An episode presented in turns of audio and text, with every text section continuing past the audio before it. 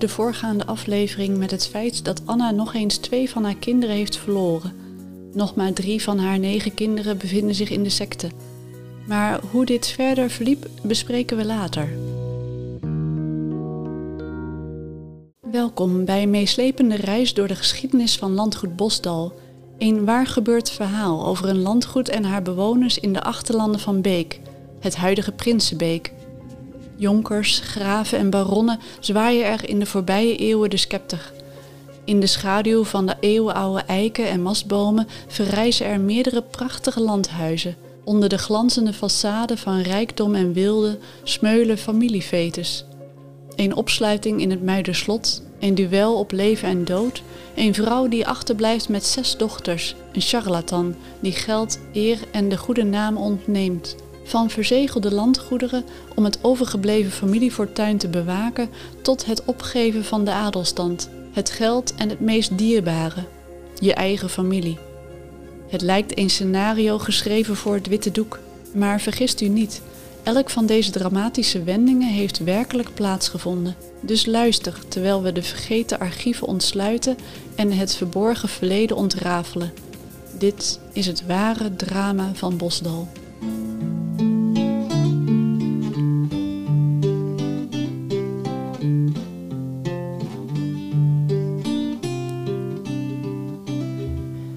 Het landschap is geheid, verandert met de tijd.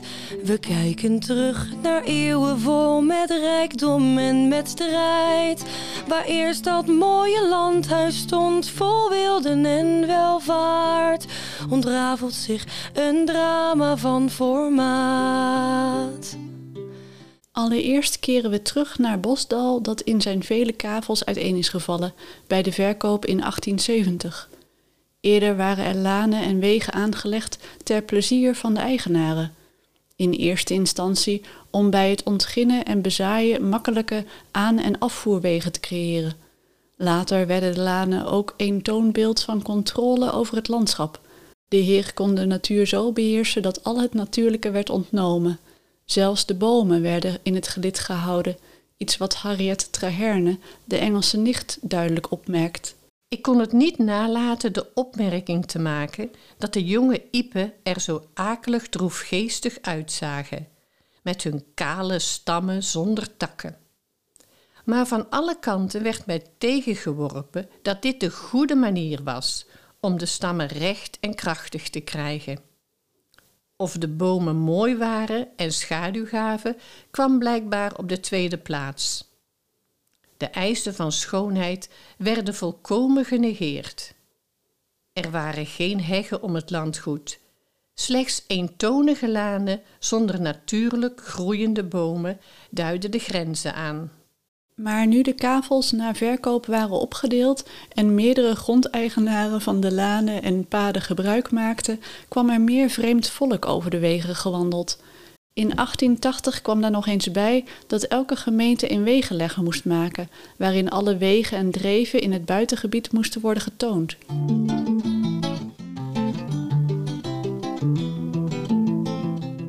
Chris, er lijkt wat oneenigheid te zijn ontstaan tussen de heer Van Mierlo en de gemeente over de wegen en of deze nu openbaar waren. Kunt u daar verder uitleg over verschaffen? Rond 1884 ontstond er een conflict tussen de gemeente Prinsenhagen en uh, eigenaar van Mierlo, omdat de gemeente zich op het standpunt stelde dat bepaalde wegen op het landgoed, denk met name aan een deel van de toenmalige Brielse straat, die we dus nu Brielse Dreef noemen, openbaar zouden zijn. Sterker nog, eigendom zouden zijn van de gemeente Prinsenhagen. Terwijl Van Mierlo op het standpunt stelde dat het hier ging om wegen die tot het landgoed zelf behoorden, van oudsher. En dus de gemeente daar geen uh, rechten op kon doen gelden. Op een bepaald moment spitste zich het conflict toe doordat Van Mierlo langs uh, de bermen van een deel van de Brielse Dreef uh, bomen ging planten. Die zijn vervolgens door de gemeente verwijderd nadat men van Milo eerst had, aangezegd om die bomen op te ruimen. Dat weigerde niet met een beroep op het feit dat hij eigenaar was van die wegen. Toen vervolgens de gemeente er toch toe overging om die bomen te verwijderen, is hij een procedure begonnen en zich daarbij op het standpunt gesteld dat de gemeente daarmee onrechtmatig had gehandeld. Van heeft zelfs de rechtbank benaderd met een uh, dagvaarding van de gemeente Prinsenhagen, waarin hij vorderde dat de gemeente werd veroordeeld tot het afvoeren van die wegdelen van de zogeheten wegenlegger, een uh, gemeentelijke administratiesysteem van openbare wegen, en voert tot vergoeding van de schade ten gevolge van het rooien van zijn bomen. In eerste instantie wilde de gemeente er niet, aan uh, gevolg aan geven heeft advies ingewonnen bij uh, haar advocaat Pels Rijken in Breda. Uh, maar uiteindelijk heeft men toch na uh, nader advies van Pels Rijken besloten om het niet verder door te gaan met die procedure bij de rechtbank. En heeft men uitvoering gegeven aan de eisen van Van, van Mierlo. dus die wegen werden weer afgevoerd van de gemeentelijke legger, van de wegenlegger. En men heeft vervolgens besloten tot een soort schikking over de schade.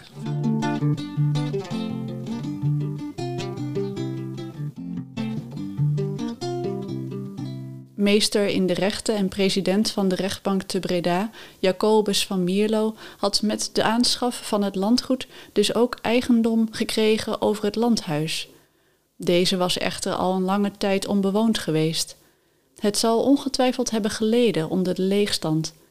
In de tijd dat Anna er met haar dochters alleen woonde, is het onwaarschijnlijk dat er onderhoud heeft plaatsgevonden. In het buitengebied kon het er ongetwijfeld ruig aan toegaan, waarbij de wind en regen over de kale vlakte kwam aanstormen en het gebouw flink heeft afgegezeld. Er zijn toen mogelijk de eerste kieren en scheuren ontstaan die het regenwater naar binnen lieten. Eenmaal onbewoond was er niemand meer die af en toe een raam openzette om het te luchten. Of misschien waren dakpannen verschoven die de regen ongehinderd doorlieten. Het kan de grootte van het huis zelf zijn die van Mierlo tegenstond. Als een buitenhuis dat slechts voor de zomermaanden werd gebruikt, was het mogelijk veel te groot voor hem en zijn gezin. Of zou het om belastingtechnische redenen zijn verkleind? We weten het niet. Hoe dan ook, al spoedig na aanschaf besloot hij het te verkleinen. De linkerzijvleugel werd radicaal neergehaald. Aan de rechterzijde werd het voorste deel weggehaald. Daardoor stond alleen nog het middendeel volledig overeind, samen met het koetshuis. Zo kabbelde het leven voort op het landgoed Bosdal, met jaar na jaar in de zomermaanden een bezoek van de familie van Mierlo. Toen Jacobus op 88-jarige leeftijd overleed, kwam Bosdal in handen van zijn oudste zoon Johannes van Mierlo. Johannes had een vergelijkbaar carrièrepad als zijn vader verkozen en was kantonrechter in Breda. Hij was getrouwd met Marie de Roy van Zuiderwijn en opnieuw trokken zij met hun kinderen en later kleinkinderen iedere zomer naar Bosdal, waar we nog aardig wat foto's van hebben gevonden in de archieven van de familie. Zo af en toe duikt er daarbij ook wat vaagjes een gedeelte van het landhuis op, zoals de zijkant van het landhuis met de veranda. En ook een foto met Marie en haar kinderen en kleinkinderen bij de voordeur van Bosdal. We hebben slechts één interieurfoto kunnen terugvinden uit die tijd. Johannes overlijdt al in 1920. Marie zal hem meer dan twintig jaar overleven. En al die tijd komt de familie bij elkaar in de zomermaanden op Bosdal. De eerste auto's worden aangeschaft en we vinden foto's waarop de nieuwste vervoersmiddelen trots worden getoond voor het landhuis. Met sprongetjes in de tijd tonen de foto's dat het pad richting de veranda geheel begroeid is geraakt en dat de tuin een grote wildernis is geworden. Een van de voordeuren laat een blik in de vestibule toe. De luifel boven het balkon, die in eerdere foto's nog zichtbaar was, is verwijderd. Ook het uurwerk in de oude timpaan, centraal boven de ingang, is weggehaald en de bel in de dakruiter is verdwenen. Als Marie in 1941 overlijdt, is het landgoed ondergedompeld in de Tweede Wereldoorlog. Er wordt bepaald dat de jongste dochter van Marie Bosdal erft. Nog altijd blijkt de stempel die Groenewoud heeft gedrukt op het landgoed zichtbaar te zijn. Zo wordt er bij de verdeling van de erfenis het volgende bepaald. Het buitengoed Bosdal, bestaande uit huizen Bosdal, woonhuis, schuur, erf, tuin, moestuin, bouwland, bos, vijvers, waarvan één genaamd de Jordaan, schaarbos, dreven en wegen, 10 hectare en 74 aren, door partijen in deling gebracht voor 13.000 gulden. Er worden nog wel wat verbouwingen gedaan, met name aan het voormalige koetshuis, waar de tuinman permanent woont om een oogje in het cel te houden. In 1943 wordt nog het privaat, ofwel de wc, aan de buitenzijde tegen de zuidwestelijke gevel aangebouwd. In de oorlog wordt het landhuis ook gebruikt als centrum van verzet en als schuilplaats voor onderduikers en Duitse deserteurs. Het is er in de winter zo koud dat zelfs de houten trapleuningen eraan moeten geloven en als vuurtje worden opgestookt, zoals staat beschreven in het boek Kasteel Bosdal, bolwerk van Beeks Verzet, geschreven door Rini Maas en te koop via de website van onze heemkundekring hk-opdebeek.nl onder het submenu winkel. Meer informatie vindt u ook in de show notes. Het zal er ongetwijfeld uitgewoond en verwaarloosd uit hebben gezien. En in 1944 wordt er dan ook besloten om het te verkopen. De koper is ene heer Korteweg. Hij sloopt het grootste deel van het landhuis. Alleen het koetshuis waar de tuinman nog altijd woont wordt gespaard. Maar in 1948 vertrekt ook de tuinman en wordt het koetshuis door de gemeente Prinsenbeek onbewoonbaar verklaard. Korteweg besluit er een fruitschuur van te maken, aangezien de muren van dit waarschijnlijk oudste deel maar liefst 33 centimeter dik waren. Daardoor zal het aardig koel in de zomer zijn geweest. Hij besluit de verdieping van het koetshuis te slopen en de meeste ramen en deuren dicht te metselen. Zo blijft er van het ooit zo statige landhuis, die eerder nog veel allure kende toen het in Louis XVI-stijl en later in neoclassistische stijl was opgetrokken, alleen nog een kale schuur over met blinde muren. Erg lang heeft de fruitschuur geen dienst kunnen doen. In 1964 was er een flinke concurrentie ontstaan met de Zuid-Europese landen, nu fruit ook gekoeld verscheept kon worden, en dus verkochten ze de boel. Het is nog even een werktuigenloods geweest totdat de gemeente de gronden opkocht. De pleziervijvers, die nog altijd onderdeel waren van het landschap, werden volgestort met huisvuil. De enige uitzondering was de eerdere doopvijver, de Jordaan. Deze lag in het laatst overgebleven bosgebiedje en kon dus wat minder handig door de vuilnisophaaldienst worden bereikt, wat de enige reden lijkt te zijn dat die vijver nog altijd bestaat. De gemeente besluit uiteindelijk dat er een hockeyveld kan worden aangelegd, maar de provinciale planologische commissie ligt dwars. Ze vinden het terrein te ver van de bebouwde kom liggen en het zou ook hinder kunnen opleveren voor de agrarische sector. Pas in 1974 stemt de provincie er toch mee in. Daarbij wordt overwogen om van de fruitschuur nog een kleed- en wasgelegenheid te maken. Er wordt een keurig ontwerp gemaakt, maar uiteindelijk besluit men dat er een nieuw clubhuis moet komen, inclusief kleed- en wasgelegenheid. Op de locatie van de fruitschuur kon dan het vierde speelveld worden aangelegd. En zo kwam in november van 1977 een einde aan het laatste restje bosdal, wat in 1730 begonnen was met de eerste advertentie van een herenhuis nog bijna nieuw. Inmiddels is ook de hockeyclub vertrokken, en is er in het gebied een golfvereniging neergestreken, genaamd Albatros. Nabij de laatste hol stond ooit het zo voorname landhuis. De brasserie, toepasselijk ook Bosdal geheten, kijkt erop uit. Je kan daar zelfs Bosdalbier bestellen. Niet ver daar vandaan is nog het allerlaatste bosje over, gelegen aan de Bosdaldreef met daarin de ooit zo roemruchte vijver, de Jordaan. Het verleden is ver uitgewist, alleen de naam houdt stand.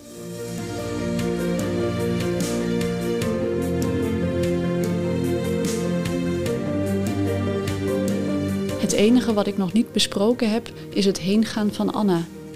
We weten exact hoe dit is gegaan, omdat er nog altijd contact was met Louis, de broer van Anna, Ondanks alle geschillen en het feit dat hij de keuzes van zijn zuster niet begreep, zijn broer en zus met elkaar in contact gebleven.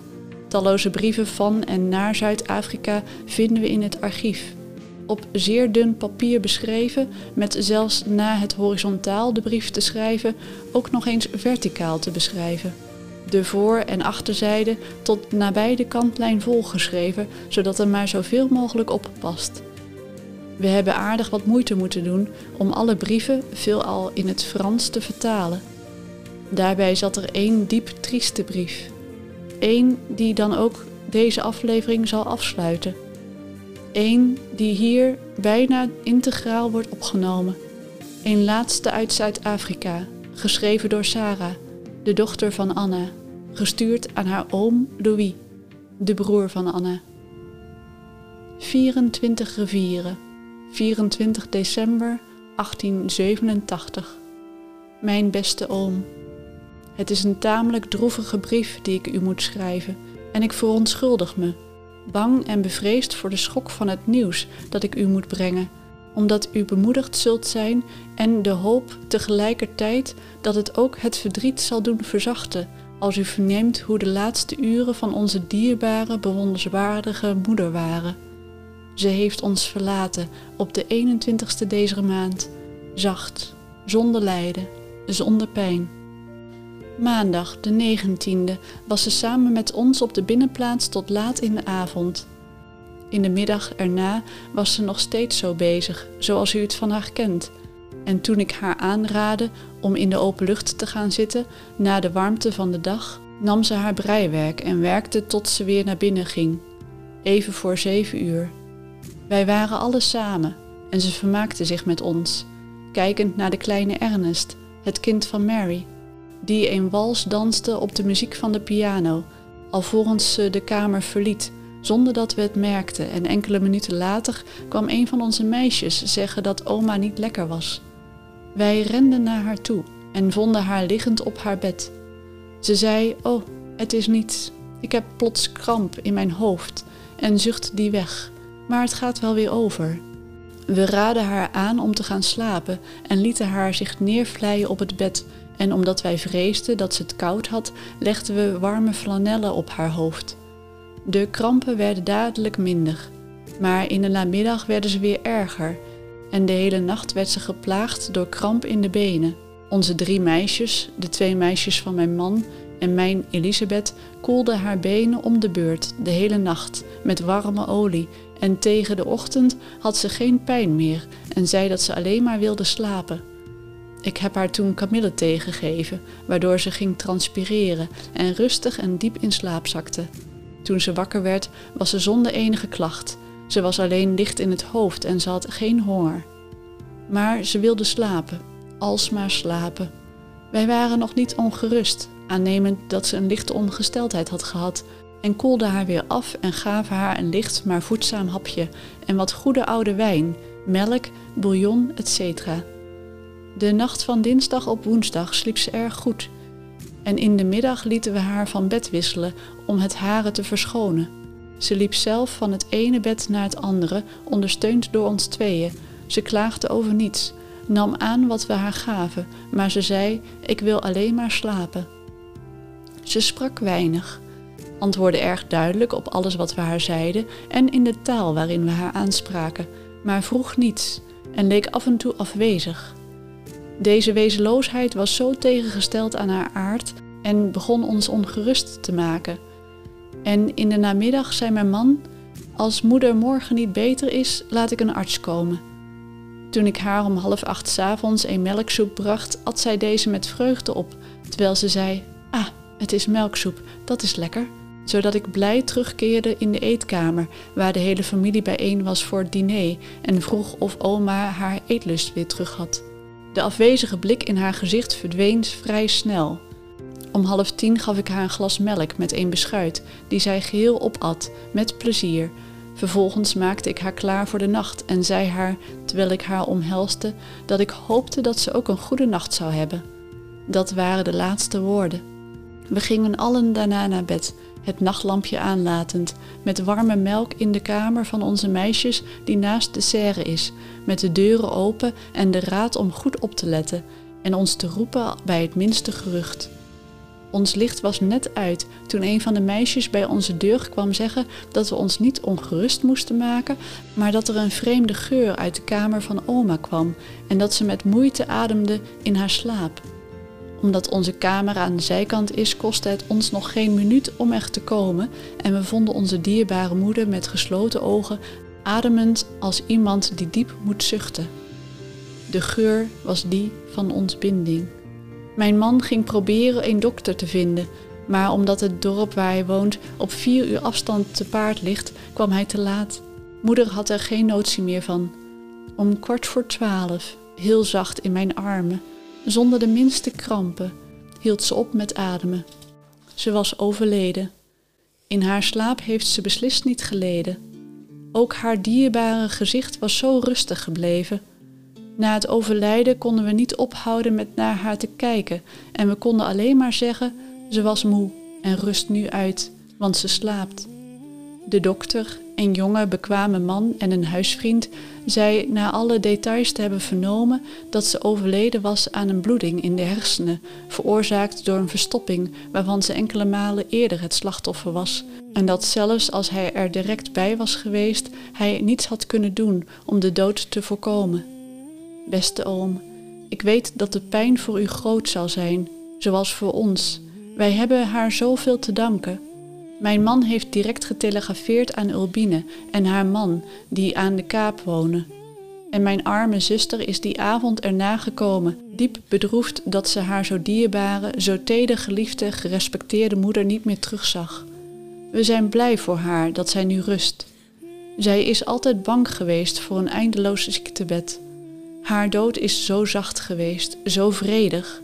Maar voor ons is het verlies heel groot en het doet zich elke dag die voor ons ligt voelen. Het huis is vervuld van het werk van haar handen. Ze was altijd bezig voor anderen en de kleine Ernest kan niet zonder zijn grootmoeder. Iedereen om ons heen hield van haar en er was nooit enige ruzie. Gisteren hebben we haar in stilte in de aarde gelegd, in een hoek van onze tuin, waar zij dagelijks kwam, een deel van de ochtend. Mijn beste oom, ik heb de vrijheid genomen om u alle bijzonderheden van de laatste dagen van onze dierbare moeder te geven, wetende hoeveel liefde u haar altijd gaf en hoezeer u het zal waarderen om over haar te horen. Mijn man heeft me gevraagd of u ons een plezier zou willen doen om dit ook mede te delen aan tante Aspasia en tante Jean. Want u bent het enige lid van de familie met wie mama correspondeerde. Ze heeft geen testament achtergelaten. Wij dachten eraan of u graag iets gewild zou hebben als herinnering aan onze geliefde moeder. Alleen, het is de moeite niet waard. Er is niets meer. Helemaal niets meer. Er is hoegenaamd niets.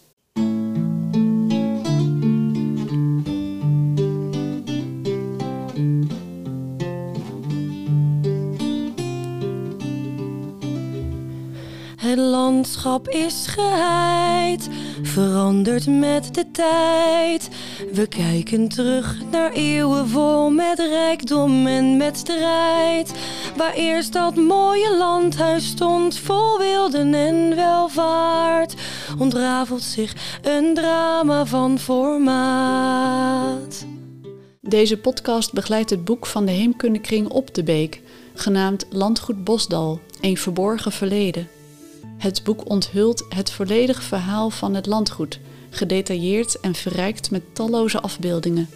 De auteurs Chris Peters en Sjoerd Evens hebben nauwgezet door de vergeten archieven gespit om het ware verhaal te reconstrueren. Dit vormt het laatste deel van een drieluik, voorafgaand door twee geromantiseerde verhalen die de roemruchte geschiedenis van Bosdal belichten. Voor informatie over de boekverkoop ga naar de website van onze heemkundekring hk-opdebeek.nl en selecteer submenu winkel. Meer informatie is ook te vinden in de show notes. Vond u het leuk om te luisteren naar de podcast? Help ons dan door het met anderen te delen of ons een like of een review te geven.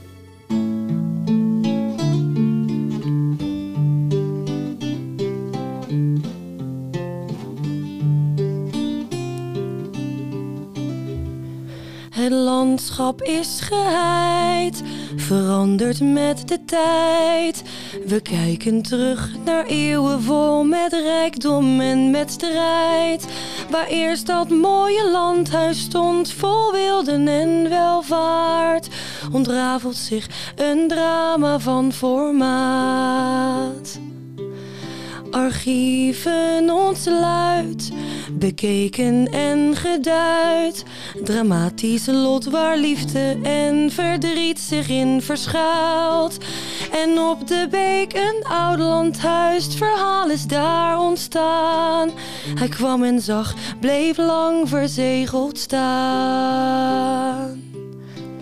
Bosdal, waar voortuin luikt en ook verborgen blijft. Bedrog zo kunstig, de onschuld in lijft. Het lijkt zo waar een eng verhaal. Een landgoed nu zo kaal. Herleeft de oude tijd massaal.